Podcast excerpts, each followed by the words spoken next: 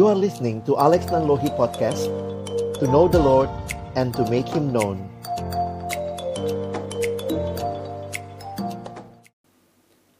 Mari kita berdoa sebelum kita membaca merenungkan firman Tuhan. Kami datang dalam ucapan syukur kepadamu ya Tuhan Di hari perhentian yang kau berikan kepada kami Bersama-sama kami merayakan kebangkitanmu Merayakan Paskah kami rindu ya Tuhan, kalau kami tadi sudah boleh menaikkan pujian kami kepadamu, menyampaikan doa kami kepadamu, tiba waktunya bagi kami untuk membuka firman-Mu. Kami mohon ketika kami membuka firman-Mu, bukalah juga hati kami, jadikanlah hati kami seperti tanah yang baik, supaya ketika benih firman Tuhan ditaburkan boleh sungguh-sungguh berakar, bertumbuh, dan juga berbuah nyata di dalam hidup kami. Berkati baik hambamu yang menyampaikan dan setiap kami yang mendengar, Tuhan tolonglah kami semua, agar kami bukan hanya jadi pendengar-pendengar firman yang setia, tapi mampukan dengan kuasa pertolongan dari rohmu yang kudus, kami dimampukan menjadi pelaku-pelaku firman-Mu di dalam kehidupan kami. Bersabdalah ya Tuhan kami anak-anakmu, sedia mendengarnya. Dalam satu nama yang kudus, nama yang berkuasa, nama Tuhan kami Yesus Kristus, kami menyerahkan pemberitaan firman-Mu. Amin. Shalom, selamat siang teman-teman sekalian yang dikasihi dalam Tuhan Yesus Kristus. Shalom, selamat Paskah. Saya bersyukur kepada Tuhan boleh melayani saudara pada hari ini dan kesempatan yang indah untuk juga boleh saling mengenal satu sama lain. Uh, meskipun melalui ruang virtual, tapi saya pikir ini kesempatan yang indah untuk kita boleh saling uh, berjumpa. Ini bukan berjumpa, ini namanya berzumpa ya, lewat Zoom ya. Jadi kita sama-sama bersyukur kepada Tuhan untuk kesempatan ini. Nah, saudara, izinkan saya juga mengajak kita boleh sharing ya. Nah, saya berusaha berdoa pada Tuhan gimana ya saya bisa menyampaikan firman tapi juga beberapa aplikasi praktis begitu ya. Nah, makanya saya ajak saudara coba kita sama-sama saling bertukar kabar ya. Nah, silakan saya tanya saudara apa kabarmu hari ini ya. Silakan saudara jawablah kabar saudara. Saya nggak tanya kemarin, besok tapi hari ini ya. Yuk kita saling memperhatikan. Silakan pilih nomor berapa yang paling menggambarkan kondisi saudara hari ini ya. Silakan paling tidak nanti lihat namanya. Oh, dia nomor sekian gitu ya. Silakan tulis di live chat. Teman-teman bisa coba saling share gitu ya. Nanti bisa lihat juga apa yang menjadi kabar dari teman kita. Silakan, tidak ada benar salah ya. Apa yang kita rasakan? Nomor 5, nomor 5 deh gitu ya. Lagi mager mungkin Silakan teman-teman saya kasih waktu satu menit ke depan kita bertukar kabar ya. Apa perasaanmu? Apa yang jadi kondisimu hari ini? Silakan. Ya, apa yang mungkin sedang teman-teman rasakan? 21. Oke, okay, ya. Thank you. Silakan.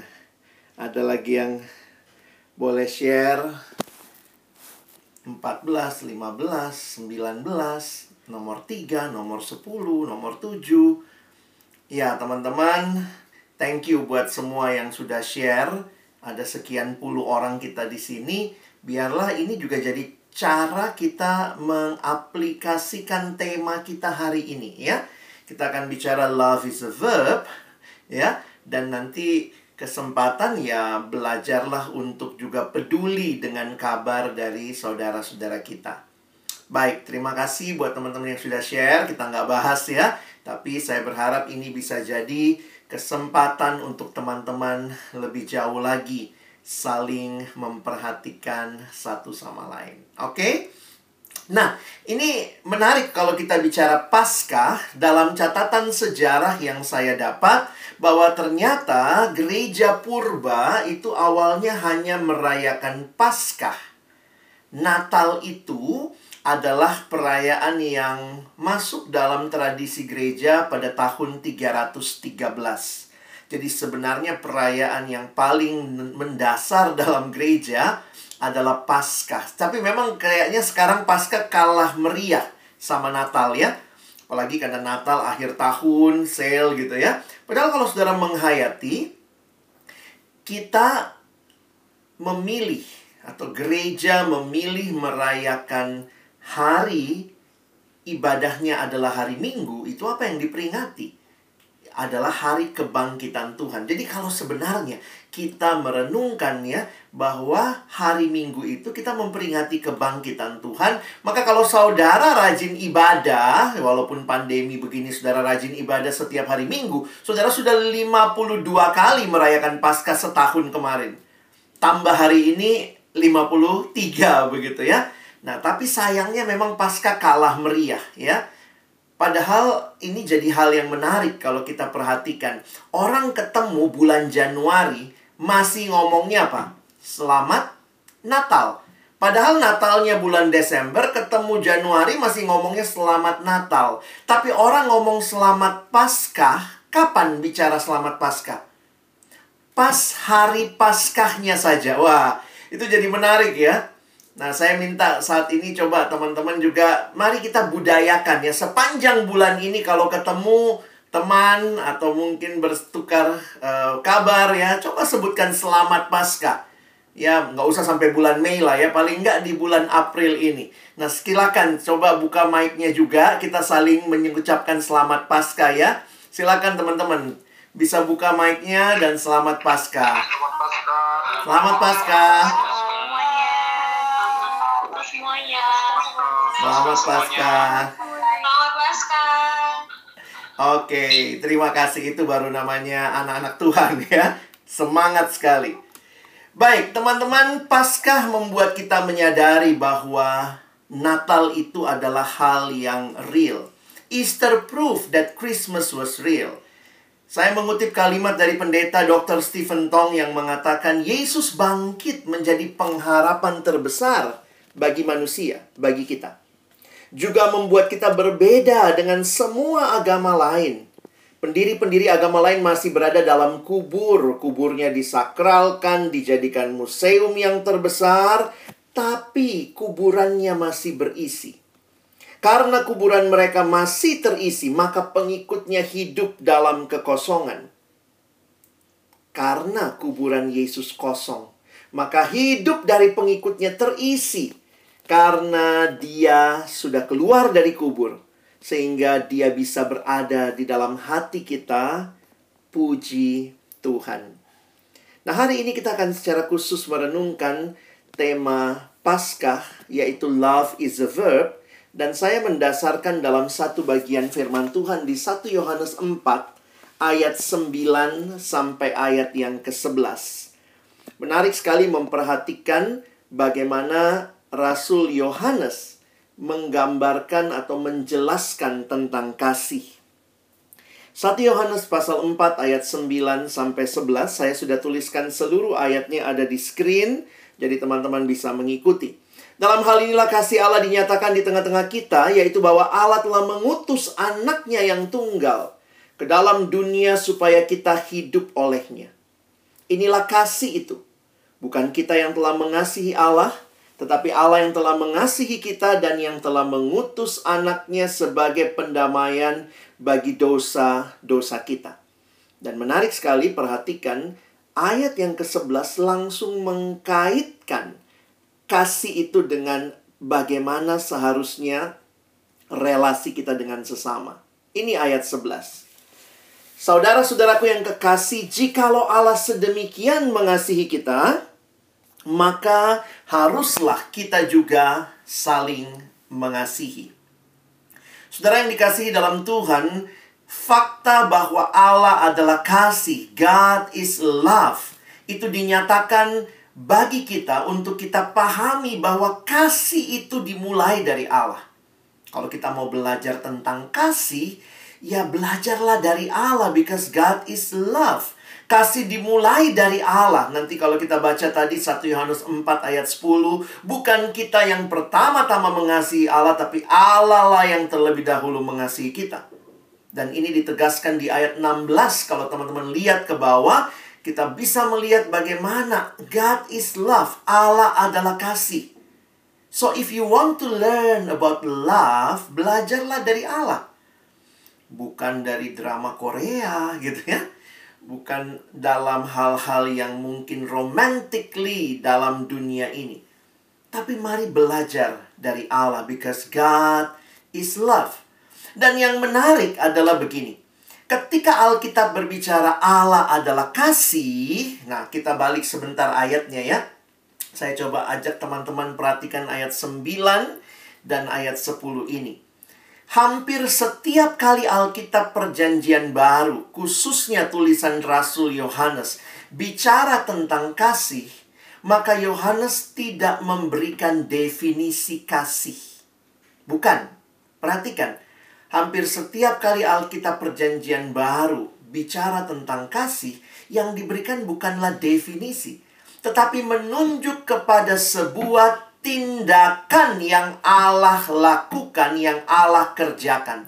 Harusnya kan kalau di inilah kasih itu, kasih adalah sebuah perasaan mendalam, adalah pengertian yang begitu menguasai. Bukan demikian. Ketika bicara tentang kasih Allah, selalu dikaitkan dengan Allah mengutus anaknya. Perhatikan ayat 9. Dalam hal inilah kasih Allah dinyatakan di tengah-tengah kita. Bukan definisi, tapi dikasih tahu, yaitu bahwa Allah telah mengutus anaknya yang tunggal. Ayat 10.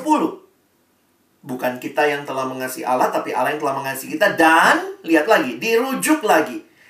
Allah yang telah mengutus anaknya sebagai pendamaian bagi dosa-dosa kita.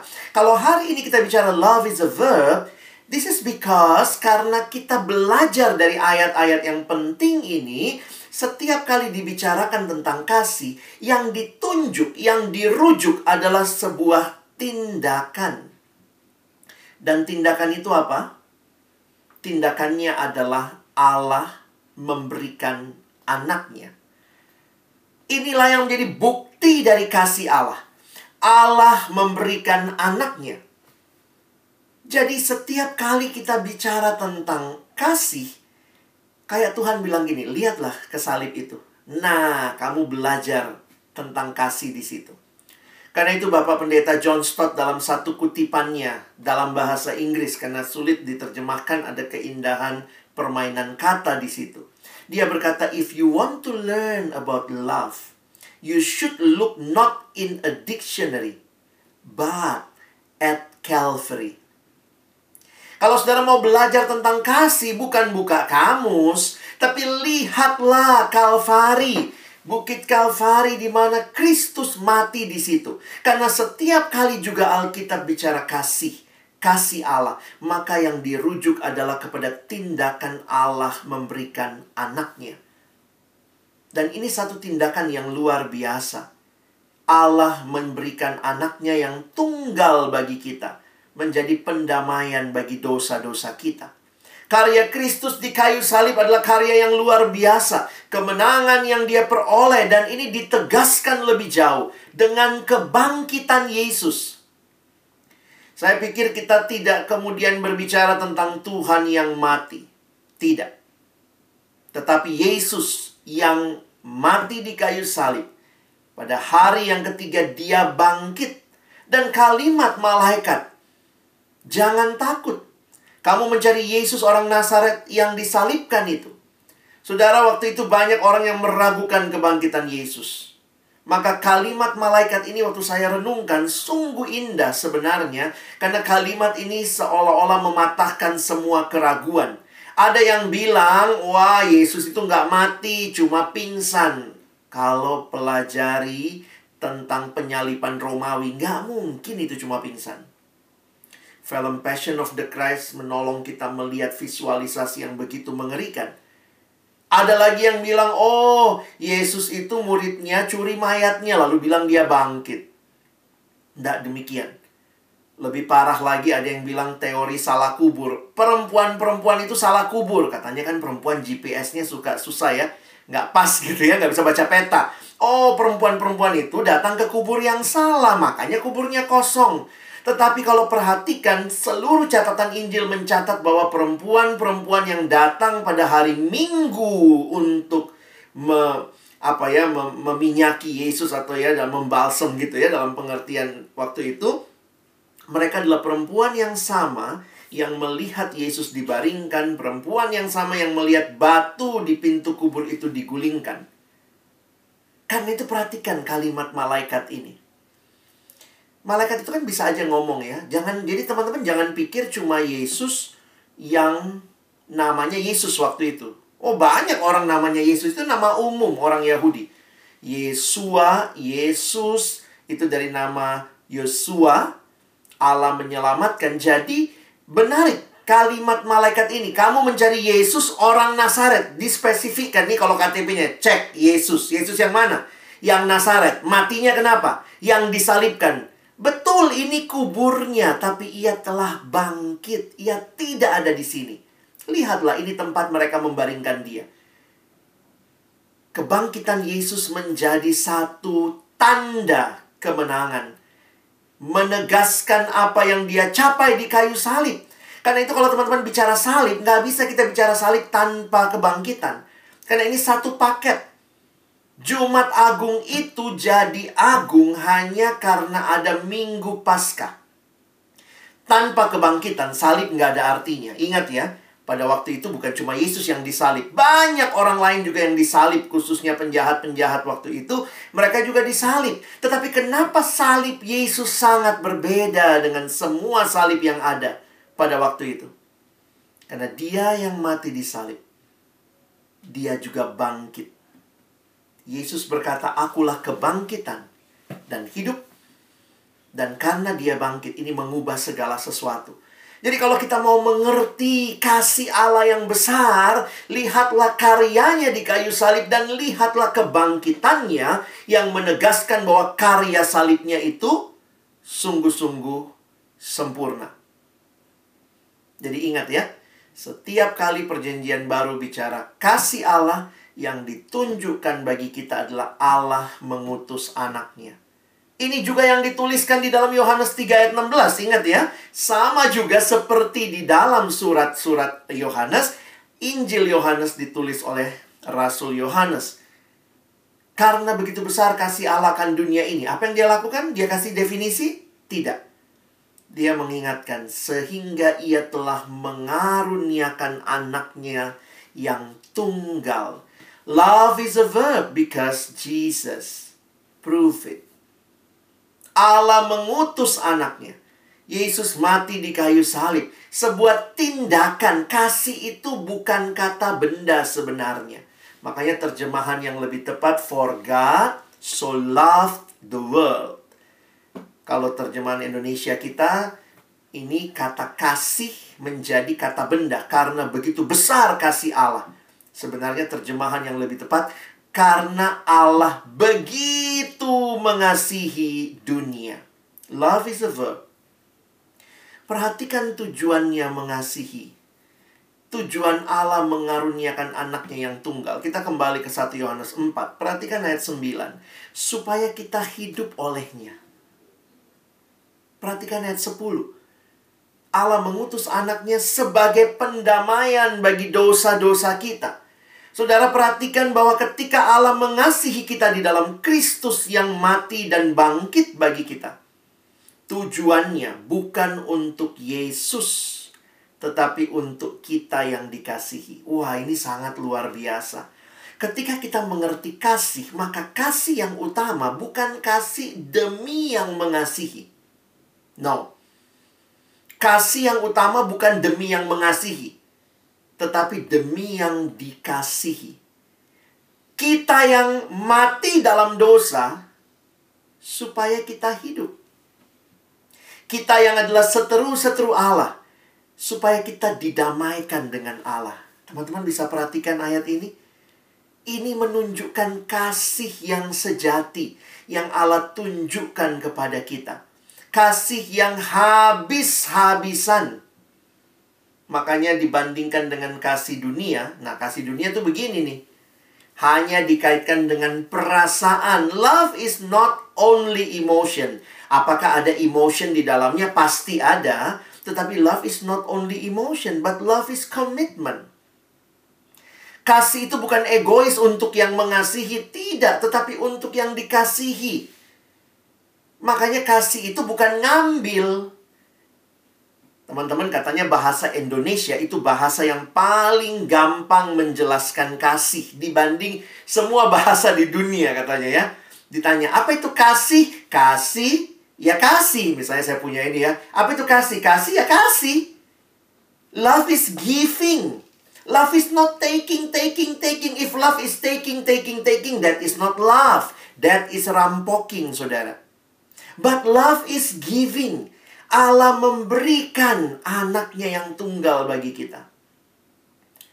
Dan inilah kasih yang tidak terbatas yang teman-teman dan saya kembali renungkan ketika kita merayakan Jumat Agung, kita merayakan Paskah satu paket kematiannya supaya aku hidup. Kematiannya mendamaikan aku dengan Allah. Kasih Allah dinyatakan habis-habisan. Tuhan tidak merampok apa pun dari kita. Dia bahkan memberikan yang terbaik yang dia miliki, yaitu apa? Nyawanya jadi kalau teman-teman perhatikan, kalau dunia bicara kasih selalu ngambil, ngambil, ngambil, ngambil. Allah bicara kasih, dia menyerahkan nyawanya. Itulah kasih yang sejati. Katanya yang paling mirip kasihnya Allah itu kasihnya orang tua ya.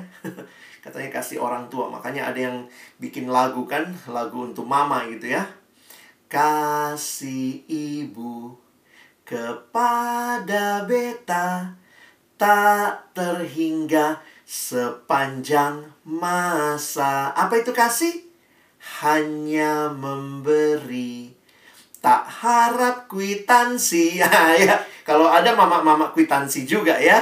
Jadi kadang-kadang mamanya bilang, aku sekolahin kau nak, cepat besar kau ya. Jadikan kerja yang bagus, banyak uangmu, ajak mama jalan-jalan. Itu mama-mama kwitansi ya. Saya sadar betul kasih orang tua itu sangat indah, tapi tetap kasih orang tua kasih manusia yang terbatas. Ada saatnya mungkin orang tua marah, merasa sudah berkorban, tapi kasihnya Tuhan harusnya lagu itu begitu ya, bukan kasih ibu. Harusnya itu kasih Tuhan kepada saya tak terhingga sepanjang masa. Bagaimana kasihnya? Hanya memberi tak harap kembali. Karena ini lagu anak-anak, penciptanya harus cari ilustrasi yang paling gampang untuk untuk anak-anak membayangkan kasih yang hanya memberi. Dia ketemu. Bagai sang surya menyinari dunia. Sang surya menyinari, dunia itu terus memberi ya. Sang surya nggak bilang besok kau nggak mandi nggak terbit aku. Nggak ya. Terus memberi. Hanya memberi. Kalau saya mengerti kasih seperti ini maka kalau ada yang pacaran lalu pacarnya bilang kalau kau mengasihiku marilah tidur sama aku. Itu bukan kasih itu rampok no itu bukan kasih Berkali-kali kalau bawakan LSD saya bilang banyak orang yang bilang kalau kau mengasihiku ayolah cium kita. Kalau dia sungguh mengasihimu, dia akan jaga kamu kudus sampai altar pernikahan. Itu kasih yang memberi. Tapi banyak yang menggunakan alasan kasih untuk mengambil sesuatu, mendapatkan sesuatu. Dan bukan itu kasih yang sejati. Dan perhatikan persis sesudah penjelasan tentang kematian Kristus di kayu salib yang membawa hidup bagi kita, kematiannya yang memberikan kepada kita pendamaian. Lalu kan kalimatnya ayat 11 tadi ya, kalau Allah mengasihi kita, ayo kita saling mengasihi. Kita tidak hanya diminta menikmati kasih Allah, karena Allah juga menghendaki manusia saling mengasihi. Perhatikan kejadian dua ya. Tidak baik kalau manusia itu seorang diri. Itu bukan rancangannya Allah. Allah merancangkan kita untuk berelasi dengan manusia lain. Setelah semua dicipta baik, baik, baik. Tiba-tiba pertama kali di Alkitab kita muncul kata tidak baik. Kejadian 2 ayat 18. tidak baik kalau manusia itu seorang diri saja. Berarti Allah yang merencanakan manusia membutuhkan manusia lain. Itulah rancangan Allah yang nggak bisa kita tolak. Karena itu Bapak John Stott kembali mengatakan dalam kutipannya, sebagaimana ikan dibuat untuk air, umat manusia dibuat untuk kasih, untuk mengasihi Allah, dan mengasihi sesama kita. Itulah ayat tadi kan. Setelah kamu dikasihi ayat 9 dan 10, 11-nya Rasul Yohanes melanjutkan, saudara-saudaraku yang kekasih, jikalau Allah sedemikian mengasihi kita, jangan berhenti di kita, maka haruslah kita juga saling mengasihi. Tidak ada seorang pun yang pernah melihat Allah. Jika kita saling mengasihi, Allah tetap di dalam kita. Dan kasihnya sempurna di dalam kita. Orang bilang, mana Allahmu? Tidak kelihatan. Tapi kalau kita yang di dalam dirinya, Allah berdiam, maka kita pun akan ditolong untuk mengasihi satu sama lain. Jadi memang ini jadi pertanyaan penting ya bagaimana kasih kita kepada Allah. Dan kalau benar-benar kita mengalami kasih kepada Allah, bukan kita yang mengasihi Allah lebih dulu, tapi Allah yang mengasihi kita, maka tidak berhenti sampai di situ. Tapi bagaimana kita mengasihi satu sama lain. Timothy Keller punya kutipan yang menarik juga ya. Dia bilang, "What's wrong with Christianity? It's not Christ's love for us. It's my love for Christ." Mungkin kalau saya tambah, It's my love for Christ and for for others untuk orang yang lain karena Tuhan tidak mau kita berhenti hanya mengalami dan menikmati kasihnya. Ayat apa yang paling kita hafal di Injil Yohanes? Orang pasti kalau ditanya di Alkitab, di Injil Yohanes, ayat apa yang paling dihafal? Satu, dua, tiga. Yohanes 3 ayat 16 ya. Wah, kita semua hafal itu. Yohanes 3 ayat 16. Tapi berapa banyak dari saudara yang hafal 1 Yohanes 3 ayat 16. Cuma tambah satu di depannya. Hmm. Saya ingin ajak kita lihat satu ayat ini ya. 1 Yohanes 3 ayat 16 sampai 18 sebenarnya ayat yang menunjukkan bagaimana bukti kita mengasihi sesama. Ini logikanya sangat unik saya pelajari ketika awal-awal ber-PA gitu ya. Ini logikanya menarik. Coba lihat ayatnya ya. Kan kalimatnya begini. Demikianlah kita ketahui kasih Kristus, yaitu bahwa ia telah menyerahkan nyawanya untuk kita. Kristus menyerahkan nyawanya untuk kita. Jadi sebenarnya logikanya begini, perhatikan ya, kalau Kristus serahkan nyawanya buat saya, maka saya serahkan nyawa saya buat Kristus, impas kan, selesai ya. Tapi logikanya tidak begitu. Karena Kristus telah memberikan nyawanya untuk saya, untuk kita. Jadi kita pun wajib memberikan atau menyerahkan nyawa kita untuk saudara-saudara kita.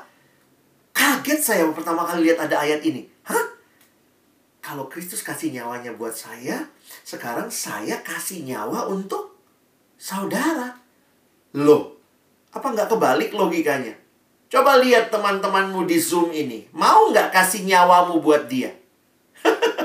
Kadang-kadang kita kalau dunia malah kebalik ya. Begitu lihat orang lain, nyawamu yang buat saya. Bukan nyawaku buat kau. Nyawamu yang buat saya ya. Manusia sulit sekali mengerti kasih Allah yang ketika engkau menikmati kasih Allah maka tidak ada cara lain adalah kita wajib menyerahkan nyawa kita untuk saudara-saudara kita.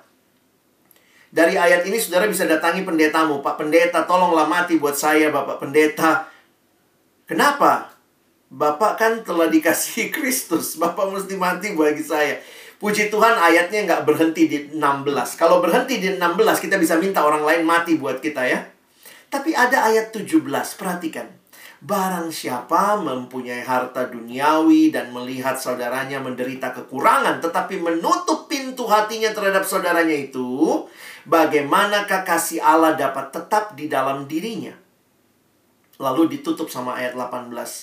Anak-anakku, marilah kita mengasihi bukan dengan perkataan atau dengan lidah, tetapi dengan perbuatan dan dalam kebenaran.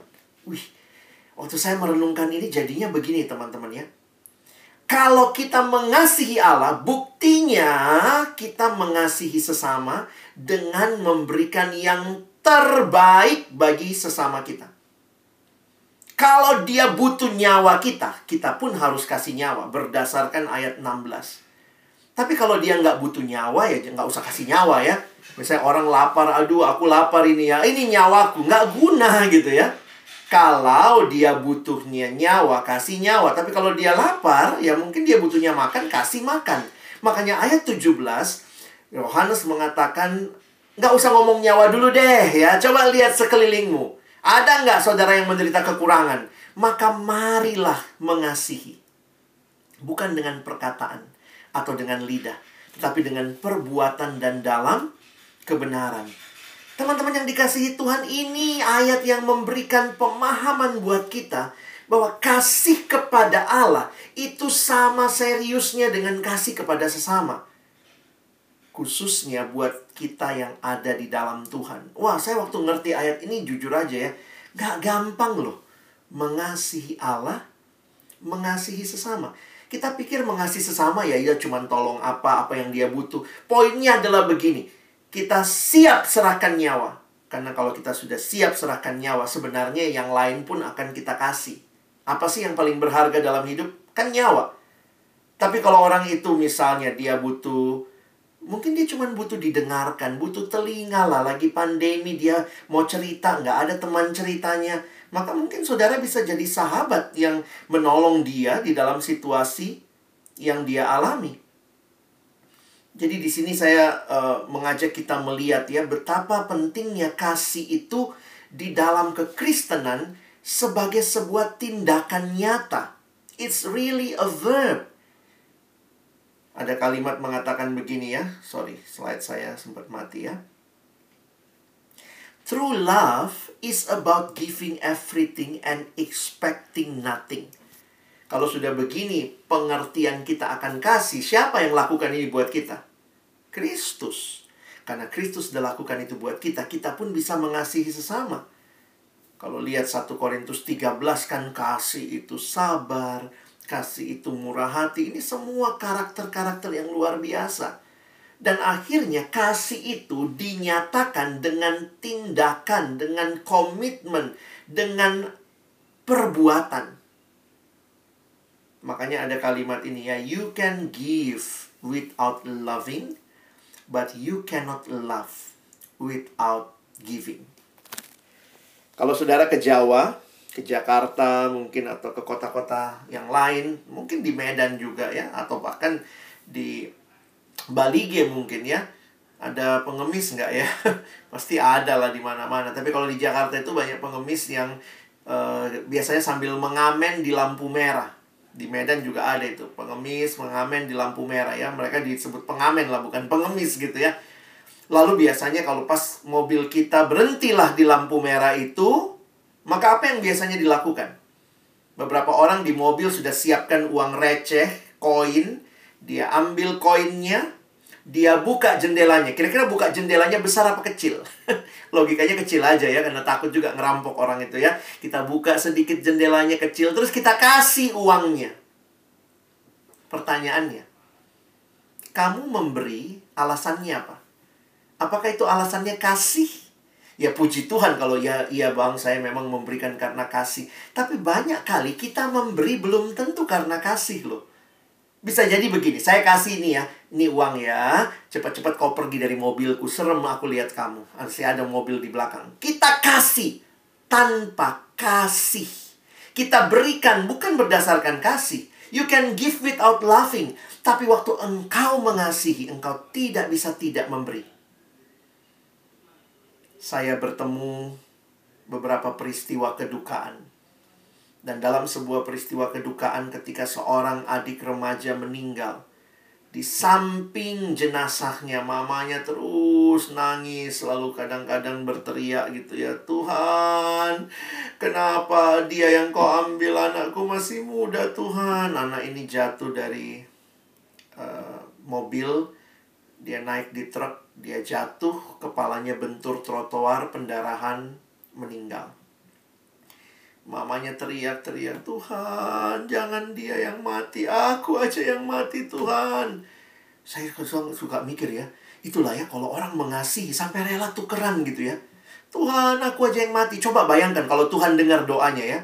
Terus Tuhan bilang, oke deh, anakmu bangkit, kau yang mati ya. Wah, gantian. Anaknya bangkit. Begitu anaknya lihat mamanya meninggal, nangis lagi anaknya. Tuhan, jangan jangan mamaku Tuhan, aku aja enggak bisa begitu ya. Saya sedang membayangkan kalau orang punya kasih, the best of him, the best of her, dia akan rela kasih. Kalau engkau punya kasih, kau akan memberikan yang terbaik. Jadi memang pertanyaannya buat kita bukan masalah memberinya sekarang, tapi apakah itu keluar dari kasih? Kasih yang kita alami karena kita telah terlebih dahulu dikasihi Allah yang memberikan seluruh hidupnya, nyawanya bagi kita. Dan kita yang merayakan Paskah, kita pun saat ini belajar mengasihi dengan melihat dasarnya kasih Allah. Belajar memberikan yang terbaik. Belajar memberikan yang terbaik bagi sesama. Love is a verb perbuatan yang nyata. Nah, di Alkitab, saudara-saudara, itu banyak sekali kata saling. Kadang-kadang kita nggak sadar ya. Tapi ternyata di Alkitab itu banyak sekali kata saling. Jadi kekristenan itu bukanlah agama seorang diri, naik ke gunung, bertapa, nanti kemudian mencapai tingkat tertentu. Tidak. Di dalam Alkitab, kedewasaan rohani ketika engkau dan saya bertumbuh di dalam kasih di dalam komunitas besi menajamkan besi, orang menajamkan sesamanya. Tuhan berikan satu sama lain. Inilah hidup beriman kita sebenarnya. Jadi memang nggak ada sebenarnya kekristenan yang individual. Itu sudah pasti masuk dari dunia. Dan itu sudah pasti sesuatu yang iblis sedang coba susupi. Sudahlah, yang penting kau aman, kau nyaman. Nggak usah urus orang lain. Padahal di Alkitab ini ya, banyak sekali kata one another. Bahasa Indonesia menggunakan kata saling. Menerima satu dengan yang lain, saling mengaku dosa, saling mendoakan, saling melayani, saling mengasihi. Sampai waktu saya renungkan ini, saya ingat kalimat Kak Tadius Gunadi ya. Waktu kami dalam perjalanan pulang membahas tentang one anothering ini. Dia bilang, Lex, orang Kristen tuh harus kepo ternyata gitu ya. Kalimatnya dia saya ingat banget ya Kepo itu sudah bagian kekristenan.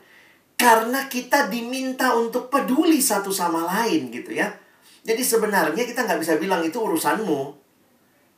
Kalau kita mengerti ya, tentu dalam konteks yang tepat, kita harus mengerti kekristenan itu adalah saya peduli urusanmu, kamu harus peduli urusan saya. Kira-kira begitu. Makanya individualitas, waktu kita bilang itu urusan dia, dan banyak orang karena menganggap itu privasi, tidak berani menegur, tidak menjalankan peran kekristenannya. Ketika seorang mahasiswa nanya sama saya, Bang Alex bagaimana? Saya tahu teman sebelah kamar saya. Dia sama-sama pengurus dengan saya. Dia bawa ceweknya masuk ke kamar, Bang. Saya terganggu, Bang, tapi saya juga bingung bagaimana menegurnya. Itu kan urusan dia kan, Bang itu privasinya dia. Dia pun gak ganggu hidup saya. Masa saya harus ganggu hidup dia? Tapi kok saya terganggu ya bang? Saya bilang, nah sebenarnya hatimu hati Kristen. Cuman kamu ketakutan karena budaya di sekitar kita bilang itu privasi. Jangan jangan diurusin. Saya bilang sebenarnya kalau kita tahu kita sesama saudara seiman, harusnya kita berani menegur. Kalau yang satu bilang, saya nggak terima teguranmu, ini kan privasi saya. Nggak bisa privasi. Kita anak Tuhan, kita saling peduli satu sama lain. Masa lihat yang satu masuk jurang, kita bilang itu privasinya dia, nggak apa-apa masuk jurang, silahkan. Kan nggak merugikan siapa-siapa, itu pacar-pacar dia kok, bukan pacar bersama. Urusannya urusan dia. Nggak demikian, kekristenan tidak bisa mengatakan ini urusan orang, bukan urusan saya. Nah, tapi juga dengan cara yang baik saya pikir ya, saya bilang sama dia belajar ya, doakan dan cari waktu yang tepat, cara yang tepat untuk menegur. Kalau memang mau menegur pakai cara yang ekstrim juga bisa ya, langsung aja datangi kamarnya, ketuk. Dalam nama Yesus, keluar kalian ya, gitu ya. E, tidak demikian harusnya hidup kalian ya. Tapi itulah hati-hati ketika kita dekat, katanya anak Tuhan, sesama pelayan, pengurus, jangan ngomong dulu di luar sana, dunia, di antara kita aja. Waktu lihat ada yang bersalah, berdosa, ada yang mungkin butuh ditegur, atau ada yang sedang mengalami kedukaan, ada yang mengalami senang pun, ada yang mengalami saling dendam. Apakah kita mempraktekkan kekristenan yang love is the verb ini? Saling, saling, saling, waduh. Saya sadar betul nih, nggak gampang ya. Kita tahu teorinya, tapi mungkin kita nggak lakukan. Kurang banyak nih one another-nya. Nah, teman-teman nanti screenshot aja nanti PA lagi ya. Saya tambahkan, ini PR dari abang buat kalian semua, buat kita semua. One anothering itu nggak sedikit, banyak di Alkitab. Karena itu saya harus ingatkan ya, pentingnya komunitas untuk kita bertumbuh. Saya juga sadar waktu merenungkan ini, saya sadar begini teman-teman ya kita pun pasti terbatas memperhatikan semua orang di dalam komunitas kita. Kadang-kadang dalam situasi seperti itu, yang banyak dituntut itu ya itulah pengurus, BPR, staff ya. Ada alumni yang kenapa staff dicari, ada alumni yang kenapa BPR yang dicari. Kalau nggak perhatian bilangnya perkantasnya nggak perhatian. Ini sedih banget ya. Sampai kadang-kadang semua tuh tugasnya BPR, pengurus. Kita harus belajar melihat kita adalah komunitas di mana semua kita punya tanggung jawab, bukan cuma staff, pengurus, komponen apa ya, tapi kita semua. Dan kita bisa menghayati itu sebagai kesatuan tubuh Kristus. Karena itu saya pikir penting juga KTB ya. Tentu dalam komunitas yang terlalu besar sulit untuk saling memperhatikan mendalam. Tapi mulailah dengan KTB-KTB yang mari aktifkan lagi. Saya nggak tahu nih, sesudah sekian lama kita pandemi masih jalan nggak KTB? Beberapa sudah offline, bisa ketemu di sekre, bisa apa. Tapi pertanyaannya apakah terjadi juga? Benar-benar komunitas yang di dalamnya kasih dipraktekkan. Saya sadar nggak mudah pakai daring juga bingung juga kita ya. Tapi mari kita coba. Ya, bukannya Siska Call, mari kita coba ya. Mari kita coba mulai lakukan hal-hal yang sederhana di dalam KTB kita dulu.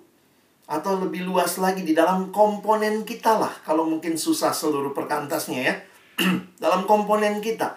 Teman pengurus kita dulu teman-teman saya baru belajar juga prinsip ya ini ini aplikasi nih. Uh, abang mau tantangkan katanya kita harus jadi murid jadi harus ada aplikasi yang praktis.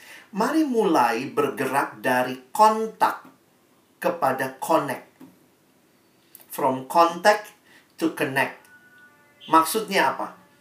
Bagaimana caranya ya mulai dulu ya? Teman-teman kalau kita punya HP itu kan ada kontaknya Wah, saya punya kontak misalnya 500. Wah, karena banyak sekali teman saya. Saya punya kontak 500. Tapi teman-teman kan sadar ya, tidak semua kita connect, ya. Mari kita bergerak dari kontak kepada connect. Karena connect ini bicara relasi. Dan bagaimana kita bisa menerapkan semua yang kita pelajari hari ini? Saya pikir mari mulai dengan beberapa relasi yang sederhana.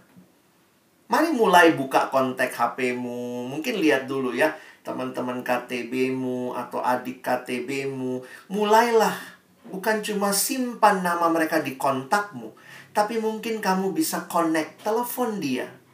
Kirim WA pribadi, bukan di grup WA pribadi. Karena mempraktekkan yang kita pelajari hari ini, bukan sekadar dalam situasi yang besar. Love is a verb. Kenapa ya? Saya sudah belajar saling memperhatikan. Tapi kita nggak tahu mau mulai dari mana. Mulainya lihat dulu kontakmu, lalu kemudian masuk dalam connect. Karena tanpa relasi sebenarnya tidak ada kasih. Sorry, ini saya ulangi. Tanpa relasi, kasih itu nggak terjadi. Karena kasih itu bertumbuh di dalam relasi. Sehingga saran praktis saya kalau mau mendaratkan khotbah hari ini, saya tantang saudara dalam satu bulan ke depan. Coba connect lima orang yang ada di kontakmu ya.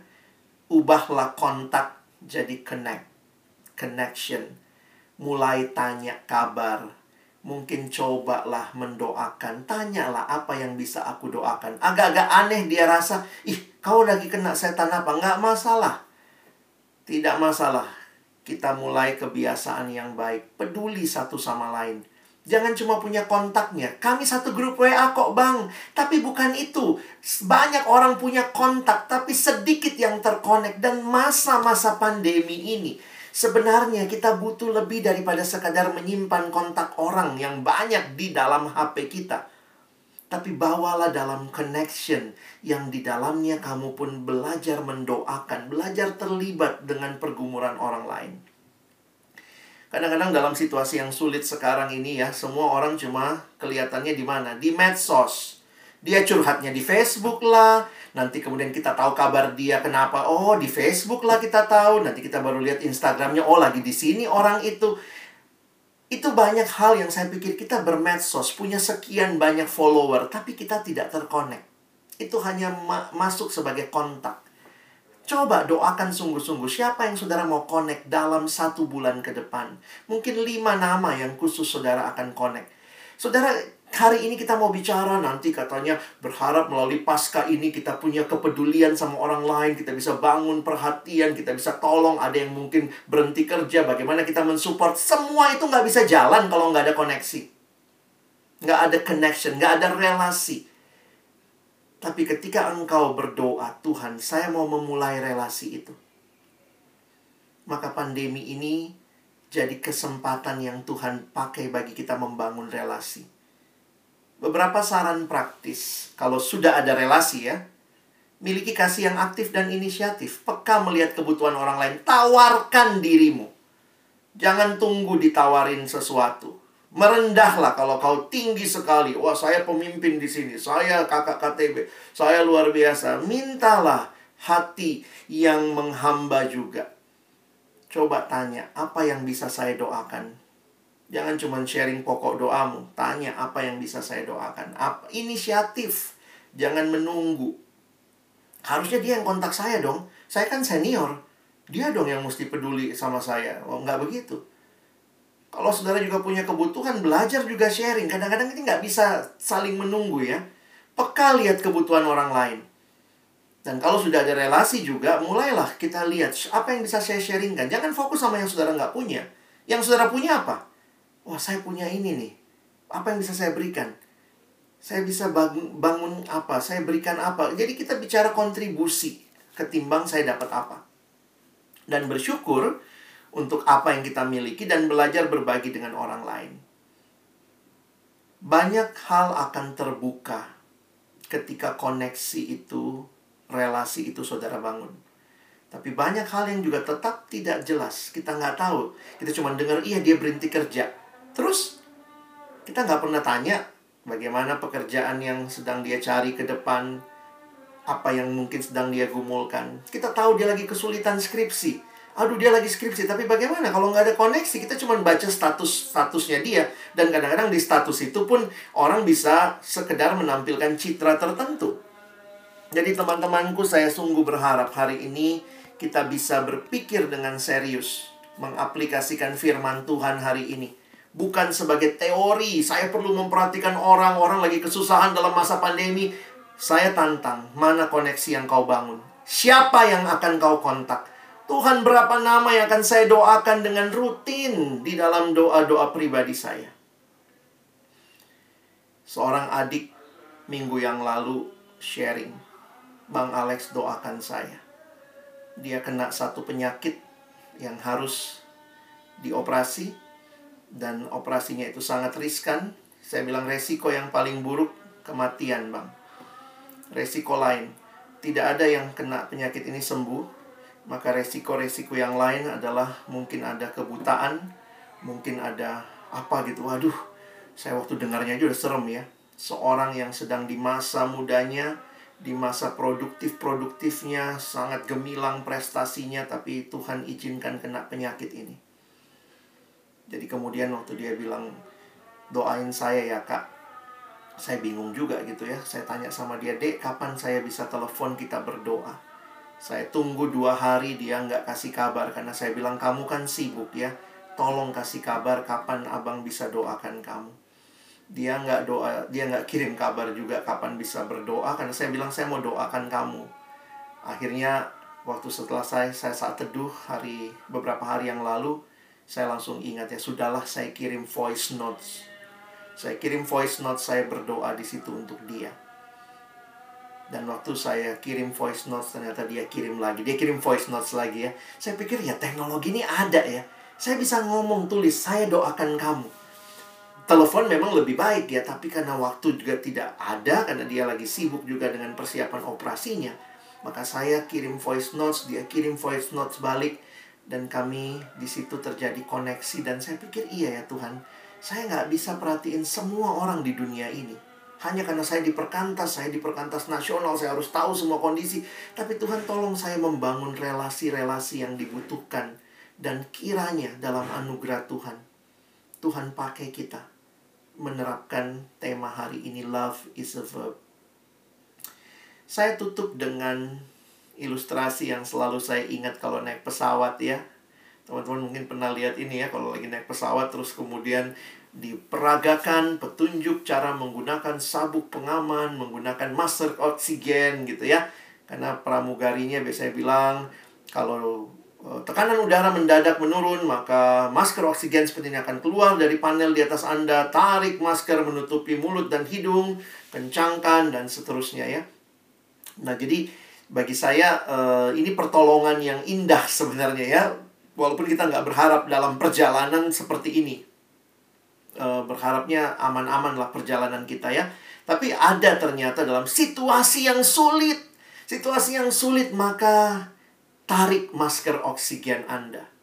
Tapi hal yang berikutnya yang saya senang dari penjelasannya adalah pakailah masker terlebih dahulu. Jika Anda bepergian dengan anak-anak atau orang yang membutuhkan pertolongan, pakailah maskermu terlebih dahulu, lalu tolonglah mereka yang sesudah kamu pakai maskermu baru tolong orang lain. Saya pikir ini jadi prinsip yang menarik dari hari ini ya.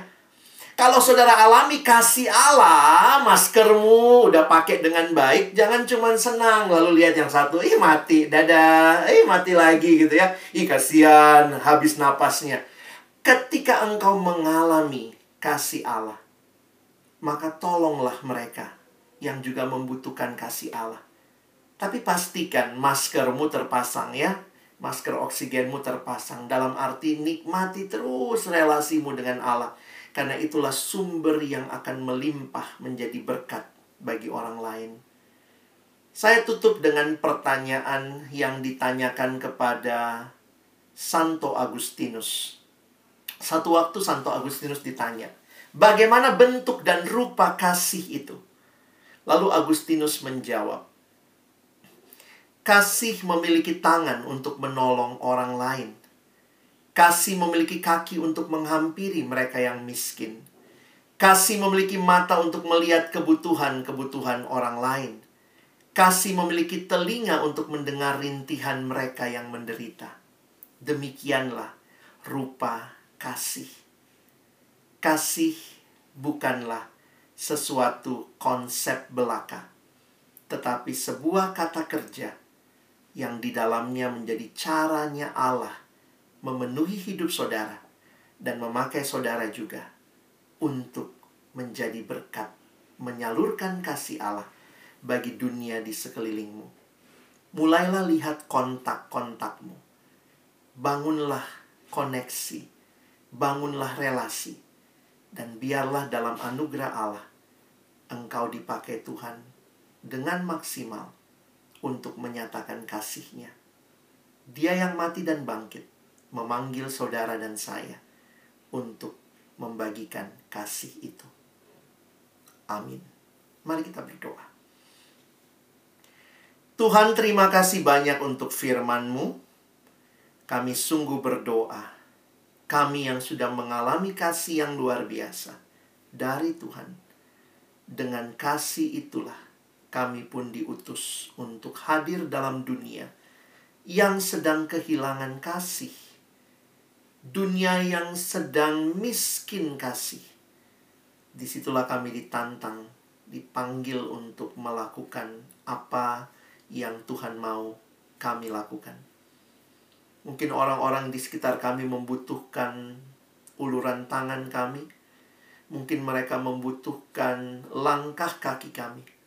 Mungkin mereka hanya membutuhkan telinga kami untuk mendengar keluhan mereka. Tapi biarlah kami semua boleh peka dan boleh menghadirkan kasih Allah melalui berbagai tindakan nyata. Karena kasih bukan konsep, but love is a verb. Kami bersyukur untuk kasihmu dan kami bersyukur kami pun dipanggil untuk menjadi alat kasih karunia Tuhan menyebarkan kasihmu dalam dunia ini. Tolong kami bukan cuma jadi pendengar firman, Mampukan kami dengan kuasa rohmu yang kudus menjadi pelaku-pelaku firmanmu di dalam hidup kami. Dalam nama Yesus kami berdoa. Amin.